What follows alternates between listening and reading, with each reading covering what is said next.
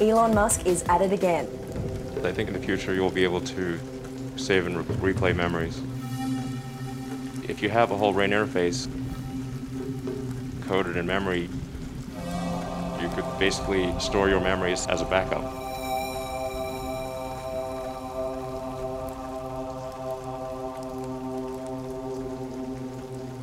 Deze podcastserie gaat over hoe de Nederlandse Veiligheidsdienst op Nederlandse burgers. Onschuldige mensen die gebruikt worden als proefkonijn. En ik ben één van hen.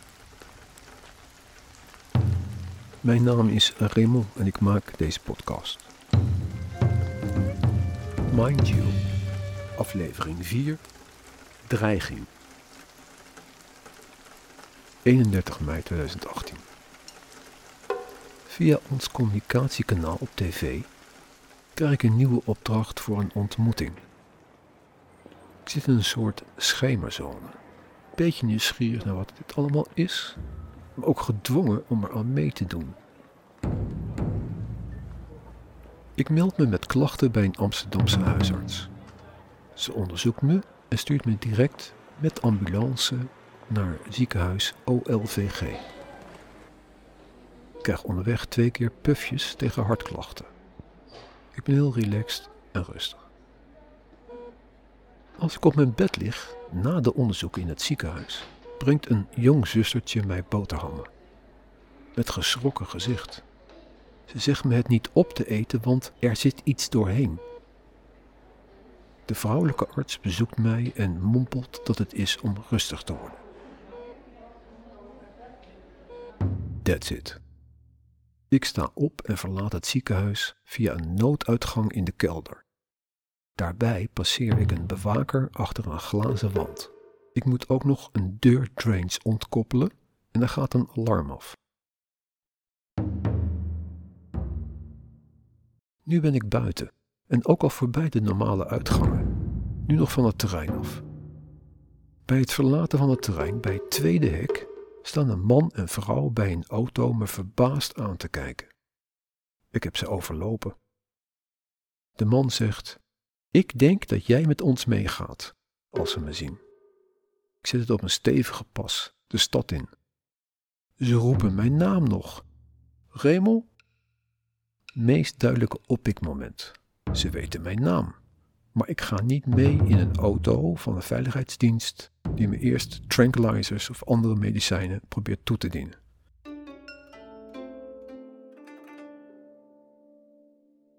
Ik ga naar K. Ik vertel haar dat ik in het ziekenhuis ben geweest. Er is niet echt een reactie. Gedurende de eerste maand samen met deze vrouw krijg ik heel veel rust.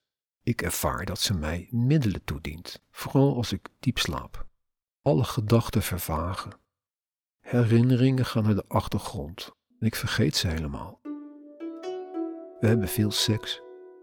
Ik krijg ook lekkere, sterk smakende hapjes en espresso koffie, maar ik weet dat ze me iets toedient. Niet alleen in hapjes. Er gebeuren rare dingen met me. Ik ervaar echt neurologische reacties. Trillen, vergeetachtig, wazig gezicht, haspelen met woorden, tunnelblik, mijn handen die beven. Ik moet er iedere keer van bijkomen. Ik ben mezelf niet meer. Het kost me soms dagen. Eén keer voel ik mij zo vreselijk dat ik zelfs wanhopig zoek naar een manier om het leven te beëindigen. Er is een haak in het plafond voor een hangmat. Er is een laag krukje en een centuur. Dat stelt me gerust. Ik ben overgeleverd. Ik zie geen alternatief. Ik weet wat ze doet, maar ik laat het in stand. Bij mijn eerste aangifte bij de politie later heb ik het wel beschreven. Dat ze me middelen toedient en dat ze me op haar zwakste moment heeft toegegeven dat het haar speet. De zoon van K is jarig en daarom wil ze eerst langs een winkel. We gaan samen. K rijdt met de gehuurde elektrische auto en plots hoor ik gekwetter. Ze heeft een in-ear oortje in, die te hard staat. En ik hoor de opdrachten. We stoppen bij een klein winkeltje, kopen een tegoedbon, maar het inpakken van de bon duurt lang, heel erg lang. dan komt een grote man het winkeltje in en staat achter mij. Opnieuw bedreigt hij mij met een geluidsbom. Ik verlaat geschrokken het winkeltje. Een hele lelijke man staat buiten. AIVD, je moet binnenkomen. Zomer 2018. K is jarig. Feestje, hapjes, ik draai muziek. Ook gedurende de dag lopen mensen binnen. K stelt me smiddags voor aan een onbekende jonge man. Ze zegt: Dit is de zoon van Hans. Die was een goede vriend van mij. Ik geef de jonge man een hand. Die middag lig ik boven in bed, moe met buikpijn. Dat is vreemd. Ik las jaren geleden in de krant dat huisjesmelker Hans was vermoord. Die zat in de drugs en huizen. Hij was berucht in Amsterdam en in de krakerskringen. Ik had zelfs tegen hem gedemonstreerd, maar wel lang geleden, in de tachtige jaren. Bizar dat K mij voorstelt aan de zoon van Hans. Let wel, dit is een paar jaar voordat ik verhoord word over de moord op deze Hans, met een verhoortechniek op afstand, zonder hoorbaar geluid. Op een avond liggen we in bed en verliest K haar in-ear. Hij valt uit haar oor en rolt over de grond, aan haar kant. Ik hoor het rollen, maar ik sta niet op. Ben ik bang voor de onuitgesproken waarheid te ontdekken? En wil ik de situatie in stand houden, de status quo? Voor mij was het helder. K staat op uit bed en schopt het oortje onder het bed. De volgende dag is het weg. In mijn ondertekende aangifte bij de politie tegen de AIVD maak ik een melding van, omdat het me kan helpen in mijn bescherming die ik zoek. Creatief als ik ben, versier ik de volgende dag een eierdopje en schrijf er een tekst op. Bewaardoos voor in-ear en zet het bij haar bed. Ze zegt er niets van. Het staat er weken. Mijn naïeve reactie weerspiegelt mijn creatieve geest, maar is geen partij tegen de harde veiligheidsdienst. We liggen in bed in Amsterdam. K staat op en verlaat de slaapkamer even naar de badkamer. Ze komt terug in bed. Ik hoor een breekgeluidje, een ampul die wordt doorgebroken. Ik ruik een chemische geur en val in slaap. And then I was back, drowsy and disoriented, but, but definitely there. Now, when you wake from a deep sleep, there's always a basic sense of time having passed, of a continuity between then and now. And coming around from anesthesia is very different. I could have been under for five minutes, five hours, five years, or even 50 years. I simply wasn't there. Als ze dat twee jaar later nog een keer doet in een ander huurhuis waar ze op bezoek komt, en ik, als ik wakker word, heel veel moeite heb met tijd, met mijn besef, is eindelijk het punt gekomen om definitief uit haar buurt te blijven. Augustus 2018. K en ik zijn kort op vakantie naar Slovenië. We vliegen naar Ljubljana. Ik wil haar introduceren met de bergen en het eenvoudige. Het is een prachtig, laag alpien gebied waar we een week naartoe gaan en we slapen in een tentje. Zomertijd. We flaneren en wandelen over de stoep in de hoofdstad. Ik wacht bij een verkeerslicht en twee Slovenen naderen van rechts over de stoep, zonder bril op. Ik hoor ineens een Engelstalige geluidspom die ik totaal niet verwacht. Welcome in Slovenië. You are free to move. No politics. We wish you a nice holiday. Ze kijken me vriendelijk aan achter een zonneglazen. Een geluidspom. De Sloveense veiligheidsdienst gebruikt het dus ook. We wandelen, zwemmen, zien gemzen in het Alpineland. We hebben een ruime week en maken wat tochten. Als we in de bus zitten, attendeer ik K op een man die achter ons zit en die niet kan praten. Zijn stottenhoofd of tong ontbreekt. Zijn gezicht is lelijk en boosaardig en hij houdt ons in de gaten. Als we terug zijn in de hoofdstad, is de welkom in Slovenia sfeer ineens omgeslagen. Zitten wat te drinken op een terrasje tussen andere mensen in. Als plots een man met een grote tas tussen de tafeltjes doorloopt.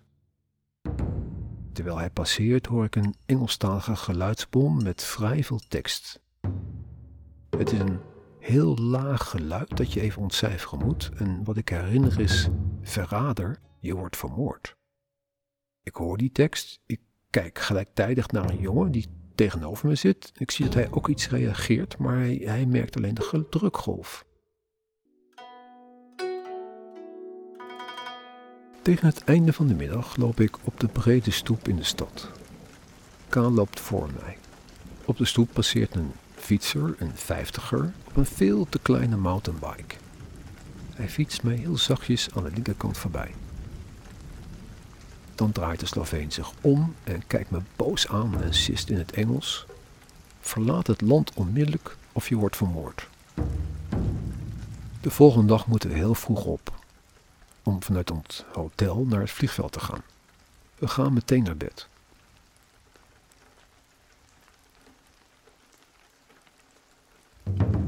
K zet een glas van de wasbak op de deurklink van onze hoteldeur naar de gang als voorzorgsmiddel. En die methode verbaast me inwendig. Ljubljana Airport. We arriveren bij de gate en de wachtruimte meteen na binnenkomst door de glazen deur. Die wachtruimte bestaat uit lange banken in rijen. Er zijn ook twee glazen hokjes waar straks de tickets bekeken zullen worden.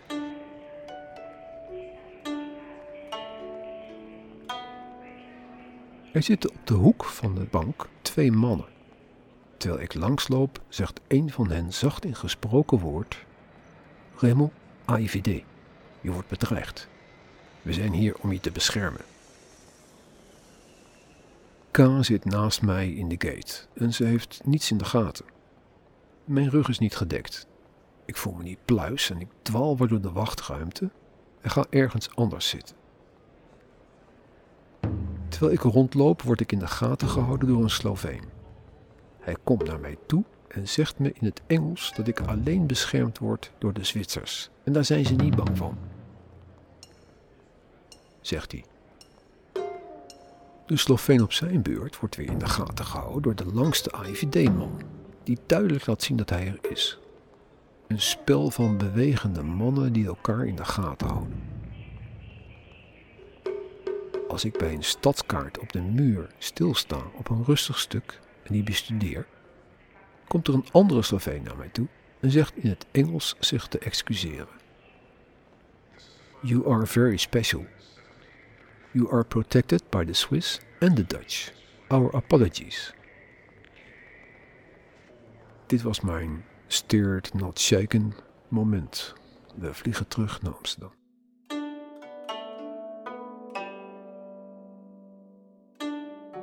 Een paar maanden later. K en ik hebben afgesproken in de bioscoop. Ik vertrek vanuit huis en als ik binnenkom zit ze met een man aan de bar te praten. Ze komt naar me toe en vanaf dat moment is alles anders. We kijken de film over het leven van Berlusconi. De feestjes, de meisjes, de macht. Daarna eten we bij de Italiaan. En fietsen naar huis. Maar niets is meer hetzelfde. Er is ineens afstand. Ik fiets even een stukje op volle snelheid. Even alleen. Ze is omgeslagen. Ze heeft een nieuwe opdracht gekregen, lijkt het wel. Ze staat niet meer achter mij in situaties met de kinderen. De puberzoon komt in opstand. Ik moet uit haar huis. De sfeer is ineens dood. Wekenlang zoek ik online een huis in onderhuur. In Amsterdam is er niets dat ik kan betalen. Op andere woningen die ik online zoek, krijg ik geen reactie of de telefoon krijgt geen contact. Ook niet bij herhaald bellen. December, oud en nieuw, 2018-2019, proosten nog met door mij gekochte champagne. 22 januari 2019. Er is een aanbod voor een mooi appartement aan een vaart in de binnenstad, ergens in Gelderland. Na oud en nieuw verhuis ik met een huurauto. Kaan rijdt mee. Ze zit naast me, we kletsen, het is ontspannen. Maar vlak voor ik uitstap om deze huurauto af te leveren, zie ik vanuit mijn ooghoek dat ze heel vlug, met een zwart verstuivertje die ze in haar hand heeft, op mijn nek richt. Ik had het totaal niet verwacht. Ik had het niet mogen zien waarschijnlijk. Ik raak in paniek en probeer mensen te bellen. Mijn broer, vrienden. Ik weet niet wat ze heeft gedaan. Ik wil laten weten waar ik ben en met wie. Ik spreek in op een ander apparaat. Wat was dit? Dit doet gevaarlijk aan. Maar het zal me later op station Zwolle nog twee keer overkomen dat iemand met een zwart verstuivertje me in mijn nek probeert te spuiten.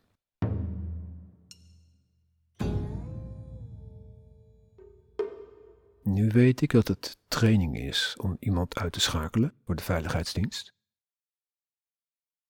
Toen was ik bang voor mijn leven. Dat zou jij ook zijn geweest. Ik was afgeleverd op een nieuwe plek.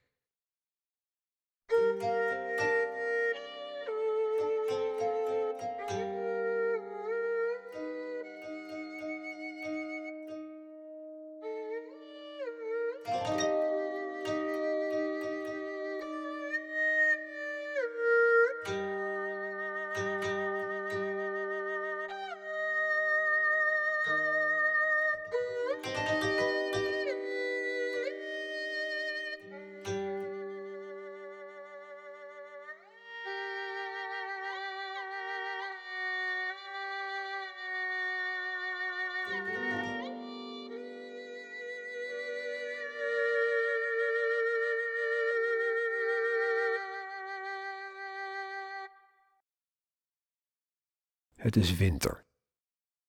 18 januari 2019. Ik woon in een mooi appartement in de binnenstad aan een rustige vaart met woonboten op de begane grond. Ik heb 4000 euro vooruit betaald. Nu ik alleen woon, kijk ik tv, luister naar radio, gebruik internet en bel veel. Er zijn dus veel momenten van communicatie en mogelijkheden voor de IVD om die te manipuleren. K komt om de veertien dagen langs en blijft dan slapen. Ik miste haar enorm. Het leek of ik verslaafd was aan haar, letterlijk. Ze dient me iets toe in mijn slaap. Als op een dag de trap oploopt richting de slaapruimte en ik naar voren stap, zie ik dat ze een injectiespuit in haar hand heeft, die ze snel verbergt. Ik leed een beetje aan het Oedipus-syndroom, waarbij de gegijzelde gaat opkomen en houden van zijn gijzelaar. Het is vreemd dat je die keuze maakt om verder te gaan in een schisma, maar ik had weinig mogelijkheden. Ik durfde mijn verhaal met niemand te delen, maar mijn zwijgen bracht me alleen dieper en dieper in het web.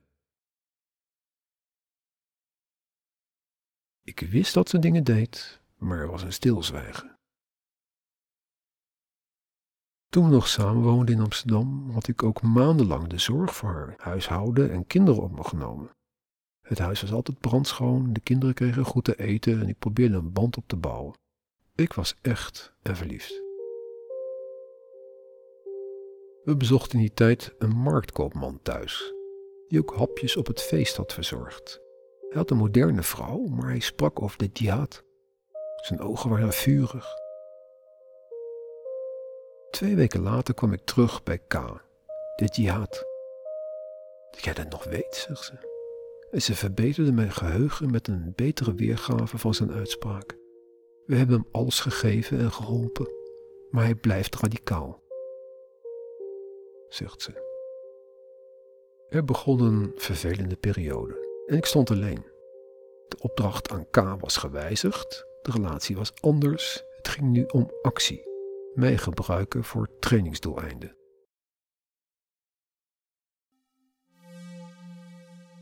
Mijn appartement grenst aan een woonvertrek van een ouder echtpaar die het aan mij verhuren. Op een dag ervaar ik een hele sterke storing in mijn appartement. Gekmakend. Als het op een zeker moment heel erg wordt, ga ik naar een zolder en doe het daar het raam open en steek mijn hoofd naar buiten. Een man loopt buiten mijn pand en schreeuwt: Doe dat raam dicht! Ga naar binnen! De AIVD loopt rond mijn huis. Ze willen me in dat huis vastpinnen. Voortdurend blootgesteld aan wat ik de zender noem. Het narratief van de AIVD is dat ik uit moet kijken voor de Fransen. Zij zijn erg, maar de Fransen nog veel erger. Ze beschermen me, zeggen ze, maar feitelijk zetten ze heel veel druk. Er worden allerlei spookverhalen met me gedeeld via de tv Tamtam, maar ik zie ook in dat beloftes nooit uitkomen en soms is de informatie erg ongeloofwaardig. Het is een psychologisch spel en ik ga steeds minder geloven. 30 januari 2019. Ik ben een dagje naar Zwolle om een nieuwe telefoon te kopen. Daarna loop ik wat rond door de oude binnenstad en ga koffie drinken in een bruin café. Zo'n twintig minuten later komt er een man binnen met een baardje die meteen weer weggaat als hij me ziet en vijf minuten later terugkomt. Nu hij weer terug is gekomen, vertrouw ik het niet echt. De barmevrouw heeft het niet zo op de politie. Terwijl ik afreken, zegt ze tegen mij dat ik moet uitkijken. Je wordt in de gaten gehouden, zegt ze. Bij het verlaten van het café zegt de man tegen mij: Je bent aangenomen. Ik heb dit in mijn eerste proces verbaal opgenomen. Nu we dit dan weer dat. Ze spelen met me. Voor mij maakt het overigens geen verschil. Ik beschouw alles als onbetrouwbaar.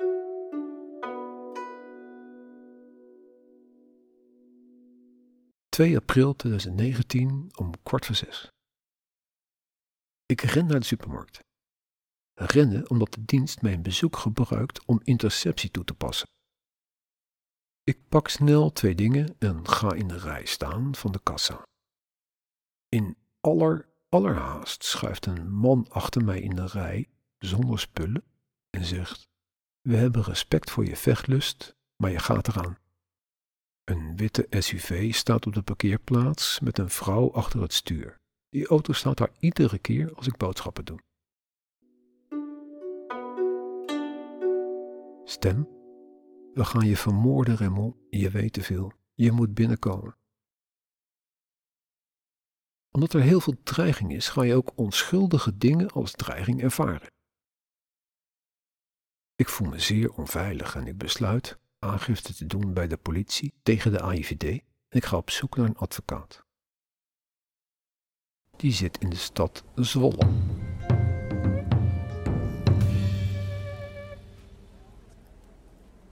En ik wandel door het centrale deel van de stad. Op een heel rustig stuk met grote statige huizen vraagt een vrouw me de weg. Normaal ben ik behulpzaam, maar nu loop ik snel door. Ze kijkt om zich heen of iemand kijkt en daarna neemt de vrouw met een lange, flodderige jas me op de korrel met een paraplu-geweer. Ik ben net op tijd buiten haar bereik weggelopen. We krijgen je wel, schreeuwt ze gefrustreerd. Mijn intuïtie redt mij weer. Een vrolijke jongen passeert me later en zegt tegen mij: Dacht toch niet dat het echt was? Maar voor mij was het keiharde realiteit. In 2019 had ik nog niet het besef dat al die ellende er was omdat ze wilden oefenen. Voor mij was het eenzame realiteit.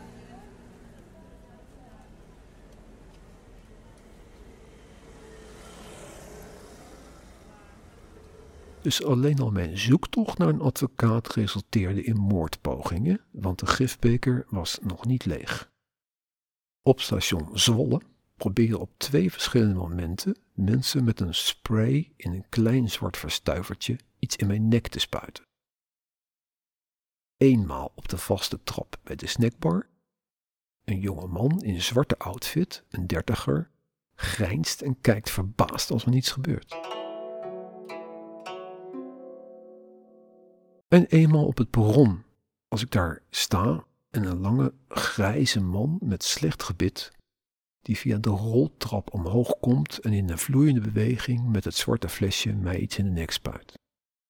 Ik ben te verbaasd om te reageren. Was het een oefening?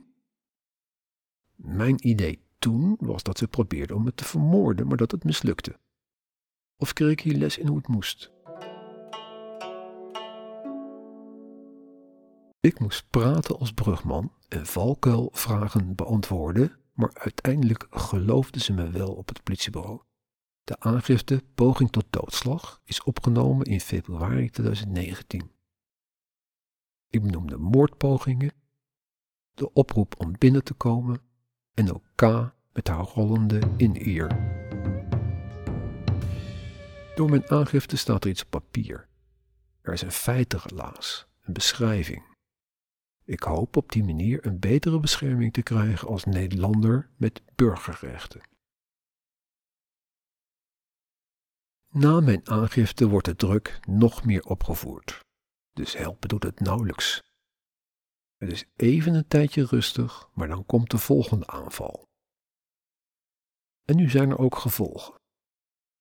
Tijdens een busrit naar Zwolle stappen na mij een jongen en meisje in de bus. Ik moet even wachten en op dat moment sprayen ze mij.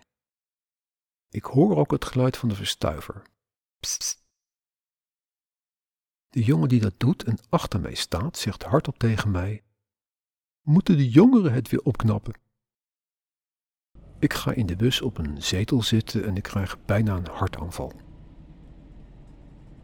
Mijn hart gaat tekeer. Sneller, sneller. 180, 190 beats per minuut. Ik ga bijna uit. Ik heb vele jaren getraind en ik ken mijn lichaam en ook mijn hartslag in rust en mijn max. Ik probeer bij te blijven. Terwijl de bus gewoon zijn weg aflegt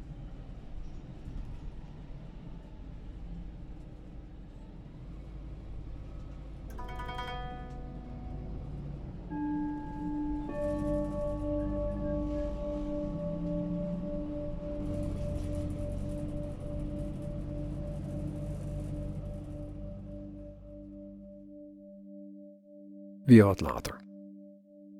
Ik ga langs bij de MT supermarkt voor een broodje en een fles water, omdat ik zo met de trein naar Amsterdam wil gaan. Plotseling spuit iemand iets in mijn haar en rent weg. Ik neem de bus naar Zwolle en er ontstaat een vreselijk brandend gevoel. Probeer het uit te spoelen met de fles water, maar het helpt niet. Het wordt steeds erger. In Zwolle aangekomen ren ik naar een café vlakbij en knip op het toilet al mijn haar af met een schaartje dat in mijn tas zit. Ik zeg verbaasde cafébezoekers dat het een weddenschap is voor de bruiloft van mijn broer en vraag aan iemand assistentie voor de laatste plukjes. Het brandende gevoel is weg, maar nu zie ik eruit als een Tibetaanse monnik of als een rare. Het was de bedoeling, denk ik, een poging om mij in discrediet te brengen, nu op mijn uiterlijk. Er zijn vast foto's gemaakt. Vanaf het station neem ik de trein naar Amsterdam. Zoek daar een kapper en laat me glad kaal scheren.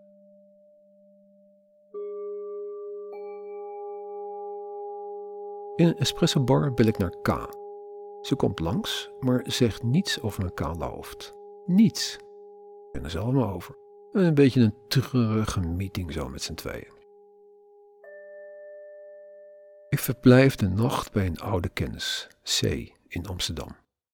C is nieuwsfotograaf en goed op de hoogte van de politiek en heeft affiniteit met de Russen. Hun media, hun verhaal.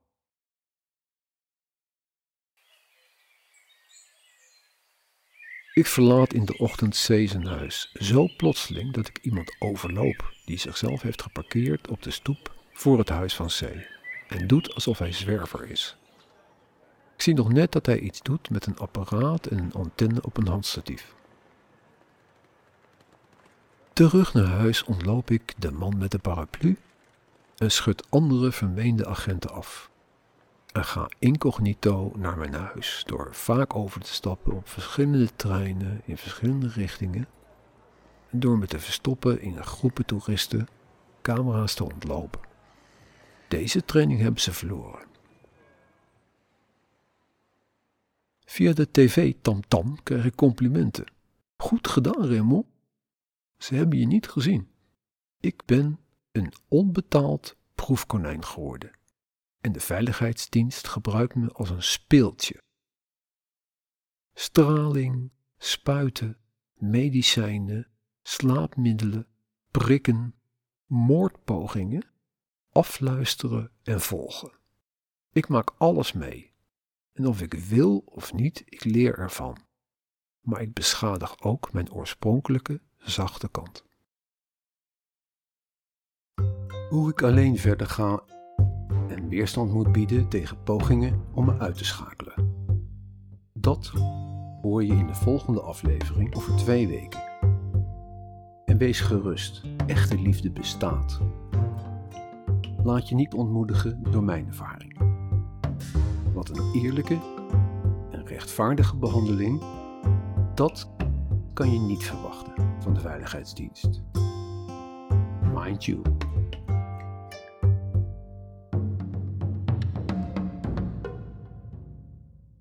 How does consciousness happen? Because consciousness for each of us is all there is. Without it, there's no self, there's no world, there's nothing at all.